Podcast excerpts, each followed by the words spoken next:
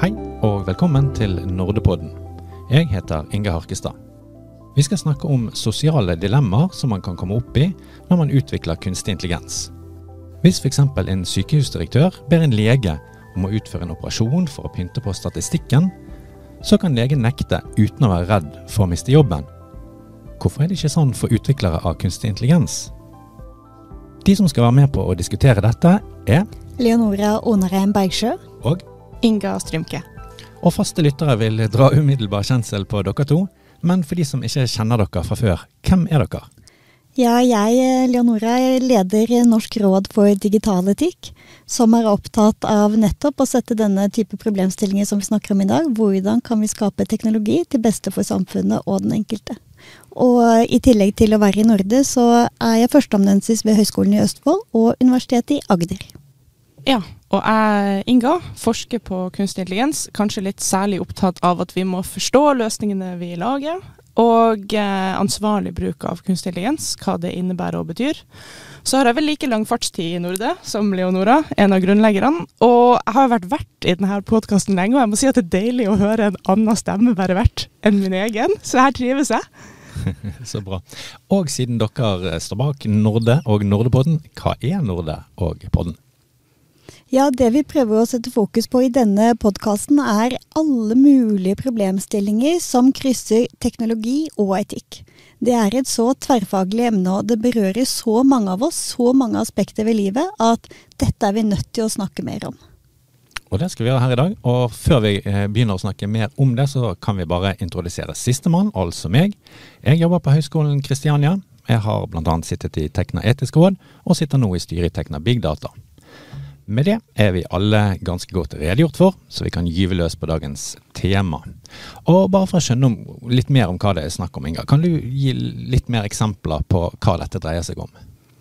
Ja, Den første gangen jeg kjente på det her virkelig i praksis, var da jeg hadde snakka om eh, forståelse av kunstig intelligens og etikk og ansvaret utviklere, som er de som skjønner teknologien, har, um, på en konferanse. Og så kom det to utviklere som ikke var norske og ikke beskytta av den fantastiske um, si rettsfesten vi har i Norge, i sine jobber som AI-utviklere kom til meg og sa at de har vært involvert i utvikling av et AI-verktøy som skal bidra til å finne gode kandidater for en jobb, og de merka at det verktøyet virkelig foretrakk typiske akademiske utseender, altså bokhylle i bakgrunnen, briller og, eh, og lys hud og mørke stemmeleier. Og de sa det at det hadde vært veldig dyrt for prosjektet de var på, og veldig utfordrende å prøve å lage et verktøy som var litt mer mangfoldig av seg de hadde tatt opp problemstillinga med arbeidsgiver og sagt at det vi utvikler nå, det er sikkert lov og greit, og vi får nok kunder for det, men det er nok uetisk. Det bidrar nok til å propagere fordommer i samfunnet og øke ulikheten vi allerede har og ikke liker.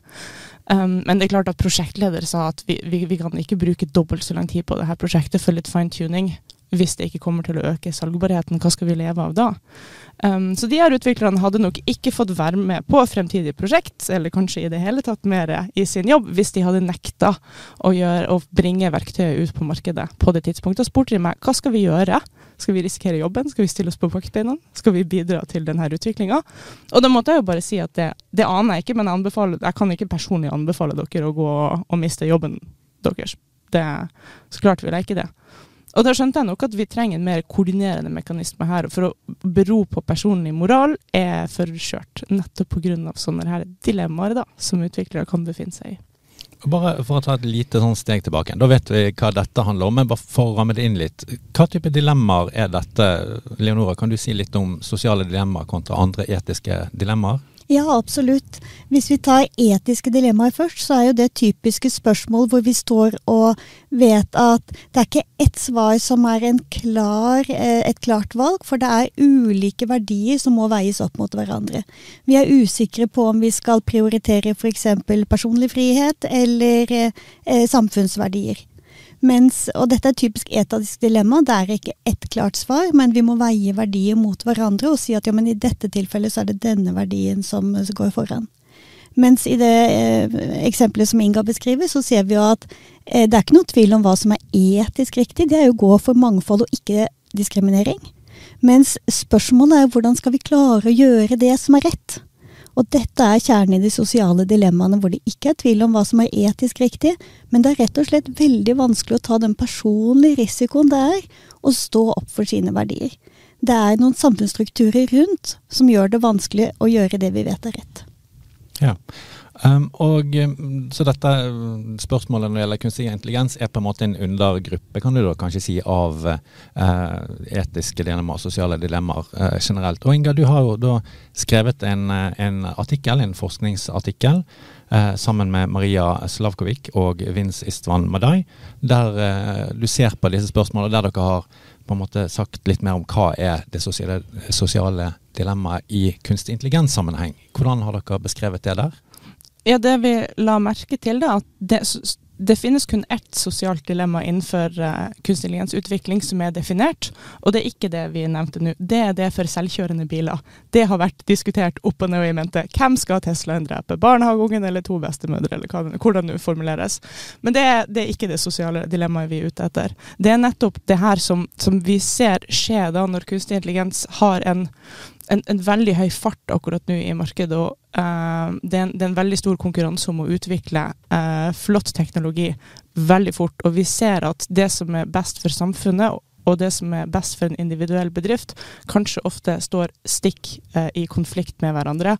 Det er spørsmålet den, um, den konflikten der, hvem tar den? Og veldig ofte er det jo dessverre AI-utvikleren som står der som er en del av samfunnet, som er en ansatt i bedriften, og som det her dilemmaet da treffer. Vedkommende må gjøre avveininger mellom eh, sin arbeidsgiver på den ene sida og samfunnet på den andre sida. Der sier vi at det, det ene er at det, det, er veldig urettferdig, og det andre er at det er altfor ustabilt for oss å overlate ansvarlig utvikling av en teknologi til individuell moral. Det, det blir for ustabilt. Hvis vi ser oss rundt i samfunnet, eh, så trenger vi koordinerende mekanismer for å komme oss ut av sosiale dilemmaer. Vi plages jo litt med eh, kjøttindustrien og global oppvarming og, og, de her store tingene der, som Leonora sa, der vi vet hva som er etisk riktig, men der det er for et individ en altfor stor kostnad å gjøre det som er riktig, hvis ikke vedkommende har en garanti for at hele samfunnet kommer til å trekke i den retninga. Så vi trenger en eller annen form for mekanismer. Så hva kan vi gjøre da? Hva er løsningen? Kan det Leonora f.eks. være etiske retningslinjer? Ja, dette er jo en av de løsningene hvor vi har sett flest forslag. Det kryr jo av etiske retningslinjer både på nasjonalt og internasjonalt nivå. Mange virksomheter har det. Og, og det er mange fellestrekk ved disse retningslinjene. Og noe av det vi ser er jo at de fremhever transparens, og de fremhever menneskerettigheter, ikke-diskriminering. Men noe av det som også er felles, er jo at de er veldig generelle. De er rett og slett dårlige verktøy for eh, når vi skal inn i de tekniske prosessene og se hvilke valg er det vi skal ta, hvordan skal vi kode for å få gode algoritmer f.eks. Og, og derfor er det jo vi må tenke på flere nivåer. Og når vi snakker om etikk og teknologi, så er det flere nivåer enn retningslinjer. Det er det som går på personlig kompetanse for de forskjellige aktørene, og så er det selve teknologien. At man må rett og slett jobbe med teknologien og se kan vi kode inn Eh, resultater som er i tråd med de verdiene vi ønsker at eh, skal fremmes. Ja, for her er det jo flere utfordringer i samme rom. Akkurat nå snakker vi om det sosiale dilemmaet, og det har jeg lyst til å snakke mer om. Men vi må absolutt anerkjenne også at en tilleggsutfordring er akkurat som Leonora sier, at de retningslinjene som finnes der ute, har altfor stor avstand til de faktiske utviklerne av kunstig intelligens, de som sitter og programmerer. De kan ikke lese i retningslinjene hva de må forholde seg til. Så det er nok eh, absolutt eh, kommunikasjonsproblemer og umodenhet der. Men det vil jeg si er et tilleggsproblem. Men sist noen telte over hvor mange retningslinjer som finnes for ansvarlig kunstig intelligens, så var det vel altså sånn flere hundre, kanskje tusen, jeg husker ikke. Men, men det er sånn Mangelen på retningslinjer er ikke problemet her. Nei, og så ser vi i tillegg at eh, som jeg nevnte, så er det jo mange av de samme ordene som går igjen. ikke sant? Kina snakker også menneskerettigheter og privacy, altså personvern, i sine retningslinjer, at det må fremmes.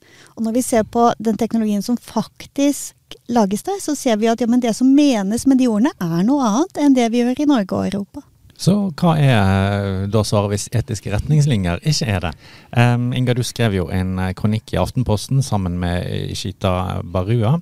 Uh, og der tok du ordet for, uh, som du også gjør i, i forskningsartikkelen, for at man skal se på muligheten for å lage en uh, profesjonsetikk. Kanskje litt lignende som det man har innen medisin. Hva skal en sånn type etikk inneholde? Hvordan skal den utformes? Hvem skal den gjelde? Ja, Det som er viktig for meg å understreke, er at det vi, det vi, påpeker i den forskningsartikkelen, det er det at ok, vi har, vi har, lov og regulering. Det er mekanismer vi har i samfunnet. Noen ting er forbudt, det er ikke lov å lage. Og så har vi så klart personlig moral også. Uh, personlig moral det diskuterer vi i det vide og det brede, og jeg tror ganske mange er uenige også i at det er en skjør løsning. Det er ikke, altså det, det, det er ikke en, en, en, stabil, pålitelig løsning for, for, hvordan vi skal bygge opp samfunnet. På den andre sida så ser vi også at lov og regulering utvikler seg for sakte og kan strupe utviklinga. Um, så, det vi sier da, at vi trenger noe imellom her. Noe som både kan beskytte utvikleren, Uh, men, men, ikke være så, så tregt å få på plass som en regulering. Og gjerne noe som mange land, om ikke hele verden, kan være enige om. Og Når vi ser da på medisin, som jo har eksistert siden eh, mannsminnet, så ser vi at måten medisin løser det på, veldig kort og forenkla fortalt nå, er gjennom en profesjonsetikk. At du kan stole stort sett på leger i hele verden. Hvis du blir lagt inn på et sykehus, så har du en sånn tillit til legen. Ikke som individ, men som utøver av en profesjon. Og legeyrket har så klart brukt kjempelang tid på å utvikle sin profesjonsetikk. Og det vi sier er da, la oss prøve å, å lære av den utviklinga de har hatt. La oss ikke uh, være nødt til å ha de samme etiske katastrofene som vi har sett med medisinsk eksperimentering, uh, holocaust, tøskegi og i det hele tatt. La oss, la oss hoppe bukk over det og innse hvor kraftig teknologien kunstig intelligens er, og så prøve å få på plass en profesjonsetikk før heller enn senere. Ja, og som det kommer frem her av det Inga sier, så er det jo to perspektiver. Det ene er utvikleren, altså yrkesutøveren. Og så er det tilliten som vi i samfunnet trenger å ha til dem. ikke sant? Det er to kjempeviktige og, og litt motsatte retninger. For, for, at vi skal kunne ha den tilliten til de systemene som utvikles, så trenger vi også vite at uh, utøverne har en sånn profesjonsetikk eller e, et etisk forhold som, som vi kan stole på at er i tråd med samfunnsverdiene. Og halve formålet med en profesjonsetikk hadde også vært å gi utvikleren en håper å si, ro og et rom eh, til å insistere på eh, etisk og bærekraftig utvikling. For akkurat sånn som det eksempelet som du nevnte i starten, hvis en sykehusdirektør vil pynte på statistikken og ber en lege om å utføre en operasjon som, som ikke er nødvendig og som er uetisk, så kan legen si nei, det gjør jeg faktisk ikke. Og sykehusdirektøren vil da, i dette konstruerte eksempelet, ikke kunne sparke legen, fordi vedkommende vet at hvis han eller hun ansetter en ny lege, så forholder den legen seg til akkurat samme profesjonsetikk. Så det er, det er et sånn kjempestort smutthull der som er tetta ut av det. Så hvis en AI-utvikler, sånn som de jeg snakka med på den konferansen, bare kunne sagt nei, vi utvikler ikke det verktøyet her, og det blir aldri å klare å ansette noen som gidder å gjøre det heller, eller som eh, gjennom sin profesjonsetikk har en ledning til å utvikle det, så ville, så ville det ha vært en stabil løsning da, som ikke er avhengig av integriteten til en enkelt utvikler. Og Hva består i så fall da denne løsningen av? Eh, snakker vi lov, snakker vi med en slags kontrakt som arbeidsgiver og arbeidstaker bruker, eller en form for sertifisering? Hva, hva er dette helt konkret? Ja, Nå er du inne på de virkelig gode spørsmålene, og det her er på en måte fortsettelsen. da. Ikke sant? I den forskningsartikkelen som jeg ikke klarer å slutte å nevne, eh, så lander vi jo på det. Vi trenger et slags etos, vi trenger profesjonalisering, profesjonsetikk, et eller annet her, en plass mellom lovregulering og personlig moral. Hva skal det være? Og da er det jo, det er jo en, det er en, million spørsmål som oppstår, og jeg tror absolutt at det her vil være vanskelig å til, til å få til. For det er ikke en enkelt utdanning som lager AI-utviklere. Så jeg er partikkelfysiker, og jeg har jobba med AI-utvikling. Altså vi kommer fra alle mulige retninger og bakgrunner. Um, så hvordan skal man i det hele tatt samle folk? Hvordan skal man definere hva som er kunstig intelligens? Um, jeg beklager at jeg stiller spørsmål istedenfor å svare. Ja, altså, eh, for å tenke konstruktivt videre, for det er jo det vi tenker at ja. Eh, du og jeg skal gjøre, Inga. Men ja. også, her trenger vi mange på banen for å få diskutert dette. Og, og, og her finnes det jo noen verktøy, f.eks. skikkethetsvurdering, som du har i, i mange utdannelser, ikke bare leger. Eh, I en lærerutdanning f.eks., som er eh, spredt veldig mange steder over hele landet, så har du en skikkethetsvurdering som, som også gir en sluse inn til yrket. Hvor, hvor, lærerne kan sammen med studentene snakke om eh, hvordan vi oppfører oss, rett og slett. Er man bekymret for en student som, som gjør uetiske ting, så, så, kan man lage en sak på det. Sånn at du får en, du får en sluse som man i dag ikke har på teknologiutviklerutdanningene. Og så et spørsmål som du var inne på, Inga. Hvem er nå disse kunstig intelligens-utviklerne? For det er jo ganske mange, som du sier. Det er statistikere, partikkelfysikere, matematikere, IT-folk. Og de gjør veldig mye ting fra analysedelen av data, ulike preprosesseringssteg, til selve kanskje maskinlæringen. Og ulike, det, er, det er veldig mange involvert her. Hvem er det vi skal definere inn som utviklere av kunstig intelligens. Ja, sant. Særlig nå som uh, veldig mange bedrifter har hatt lyst til å ansette såkalte data scientists, så har det jo absolutt gått inflasjon i dem. Um, og tenker jeg, uh, Kanskje det er en god ting at vi nå ser at uh, mange data scientists både utdannes og trenes og får jobb, men kanskje man kan si at det hadde vært lurt å stramme inn litt den ordbruken også. For å få denne yrkestittelen så må du faktisk oppføre deg i henhold til uh, hva nå enn vi blir enige om. Um, så de, den går på en måte begge veier, da. Hvem er utviklerne av det? Kanskje vi må ut, altså definere det fra andre sida. Alle som utvikler denne typen systemer, er AI-utviklere.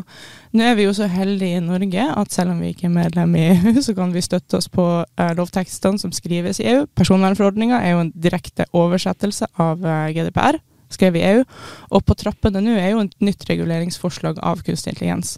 Så det går f.eks. an å se på det, og se hvordan de definerer eh, høyrisikosystemet av kunstig intelligens, og sier at alle som skal utvikle et sannhet, eller være med i utviklinga av et sannhet, de må være håper jeg, godkjente AI-utviklere. Um, det er bare én mulighet, men jeg tror at å, å lene oss på eksisterende eh, lovtekster eller lovtekster som er underveis, kan være konstruktivt for oss. Ja, og så er det noe som, som, ligger bak det du sier, og det er jo at her må det ut, uh, involveres mennesker på mange nivåer. Altså, Vi skal bort fra det er utviklerne som bærer dette ansvaret. Vi skal opp til arbeidsgivere, vi må til politikere, vi må til lovgivere. ikke sant? Altså Her, her trengs det et løft av problemstillingen for å lette byrden som akkurat nå bæres som et sosialt dilemma av de som sitter og utvikler. Ja. Og Hva er de største vanskelighetene for å komme dit? Hva, hva, står i veien for at vi bare kan sette oss ned og lage profesjonsetikken?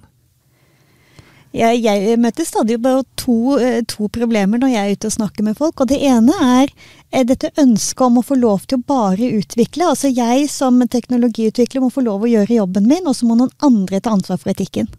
Og, og dette ser vi jo mange yrkesgrupper. Hvor, eh, hvor eh, mitt svar vil være at ja, men du ser noe jeg ikke kan se. Ikke sant? Altså, Eh, de som sitter tek på teknologien, ser etiske dilemmaer som, som, eh, det kan være vanskelig å se for andre yrkesgrupper. At de nettopp har en særlig evne og ansvar. Men, men, denne holdningen møter jeg altså stadig. Kan jeg ikke bare få lov til å gjøre jobben min? Og, og så møter jeg det som sier at ja, men dette vil jeg gjerne, men arbeidsgiver vil ikke. Arbeidsgiver vil at jeg skal finne en rask, enkel løsning som er billig, og som bare funker. Og, og da skal vi ikke den rundkjøringen det er med etikk. Kan vi ikke bare løse oppgaven? Apropos arbeidsgiver, så ble jeg kjempeoverraska. For da jeg hadde skrevet denne artikkelen, så la jeg den ut på LinkedIn. fordi noen ganger er jeg så optimistisk at jeg legger ut forskning her. Og da ble jeg faktisk eh, kontakta av en leder i et eh, konsulentselskap som sa at de veldig gjerne skulle ha hatt et eller annet sånn implementeringsklart noe som de kunne gi til utviklerne sine og si se her, det her er det dere forholder dere til. det her er det dere opererer etter. Disse retningslinjene bruker dere. Hvis dere er usikre på det, tar dere kontakt sånn. Altså virkelig noe sånn, sånn kjempeoperasjonaliserbart. Og vedkommende spurte så klart meg hva de skulle, skulle bruke, og da sa jeg nei, nei, nei, nei, nei, jeg er akademiker. Jeg har vært ute og problematisert. Jeg har ikke laga det her rammeverket. Men jeg tenker at det hadde også vært i overkant om jeg som forsker hadde sagt at her har jeg laga et rammeverk som hele samfunnet bare kan eh, nyte godt av, og det her er ferdig. Så jeg tenker at vi, som du sa, Leonora, vi må inn involvere veldig bredt her. Altså, vi trenger at politikere bryr seg om det her. Vi trenger AI-utviklere som sier hva som ville være til hjelp, og hva som ville være til hinder. Vi trenger teknologiledere. Um, ja, oh, ja. Fagforeninger, absolutt. Altså, de som organiserer dette, er jo interessant når vi ser på yrkesetikk, hvor viktig rolle fagforeningene har tatt mm. til å jobbe med etiske koder og etiske råd. Og, her, her, er det et potensial. Her vet jeg mange jobber med det, men, men jeg sier ja takk, enda mer. Og når vi snakker om råd, innen medisin så har man jo råd og komiteer som skal se på etikken. Er det f.eks. noe sånt man bør gjøre innenfor kunstig intelligens når man står i konkrete uh, situasjoner? Det er jo ikke nødvendigvis sånn at uh, utviklerne sitter på det hele og følger svaret. Kanskje det er en miks av hva utviklerne, hva selskapene, hva andre mener. Så hvordan klarer man i praksis å håndtere dette når profesjonsetikken da er på plass? Ja, Når den er på plass, så vil man jo da ha et forum for å diskutere de her tingene. For da vil det være en eller annen enhet som har ansvar for å gjøre det, og det vil være en trygg kontaktflate å ta opp eh, dilemmaer.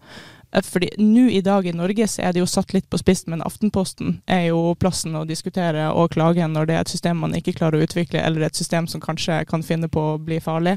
Det er jo risikabelt å gå ut og si se her, vi klarer ikke å bestemme oss for hvilken rettferdighetsdefinisjon vi skal bruke. Hvilke grupper skal vi beskytte, og på hvilke gruppers bekostning skal det gå. Eh, og så har jeg sjøl, altså det er jo min favoritting å sutre over, jeg sjøl har prøvd å ta opp de her diskusjonene med politikere, men da får jeg tilbake at det her må spesialistene ta seg av. Det her blir altfor smalt. Politikere er generalister, det her kan vi ikke svare på. Så jeg opplever et sånn, et sånn nesten, en, nesten en sånn polarisering av ansvar i det man prøver å få de her spørsmålene ut i samfunnet. Så de kommer ofte i retur, da til utviklerne. Så jeg, jeg, kan godt forstå hvis AI-utviklere sier at de har den etikken litt i ranghalsen, fordi at det blir så vagt, og det er så vanskelig å finne svar. Og så sier jeg ting som at ja, men etikk handler om avveining. Det handler ikke om, om svar med to streker under. Men nei, jeg, ser, ja, jeg ønsker meg virkelig et sånt forum der det er trygt å ta de her beslutningene, og som kan ha en koordinerende effekt, sånn at vi alle blir enige om at sånn her løser vi det eh, i år. Ja, og det som ligger bak det du sier nå, er at uh, A-utvikleren skal ikke selv løse dilemma, men, men, se det og kunne løfte det, ha et sted å gå for å få diskutert og kommet frem til gode løsninger i praksis. Ja, så eh, stegen, hva er neste steg eh, nå? Hvordan kommer vi dit? Ja, Det første er jo å løfte bevisstheten, rett og slett. Og få opp samtalen. Ingo og jeg har noen forslag, men vi har jo ikke svarene. Her må vi finne ut hva som faktisk fungerer, og hva som fungerer på nasjonalt nivå, er jo første spørsmål. Og så er det selvfølgelig ikke bare lille Norge vi trenger løsninger, men, men det er nå et sted å starte. Å se på utdanninger, på Eh, arbeidsforhold med fagforeninger og involvere arbeidsgivere osv. Så videre. sånn at å starte samtalen, ikke bare rundt lunsjbordet, men, men litt høyere oppe i møtestrukturen, det, det, er jo det jeg ønsker meg. Ja. Beslutningstakere må forstå problemet og bry seg om det. Strålende. Så vi har eh, ikke alle svarene her i dag, men eh, som dere sier, noe av det viktigste er å starte denne diskusjonen. Og her er nok neppe siste ord i saken eh, sagt, men eh, en god start i alle fall. Så tusen takk til dere to, Leonora og Inga. Så vil vi også takke samarbeidspartnerne for denne episoden, som er Dataforeningen og Høgskolen Kristiania. Og ikke minst takk til deg som har hørt på. Ha det bra.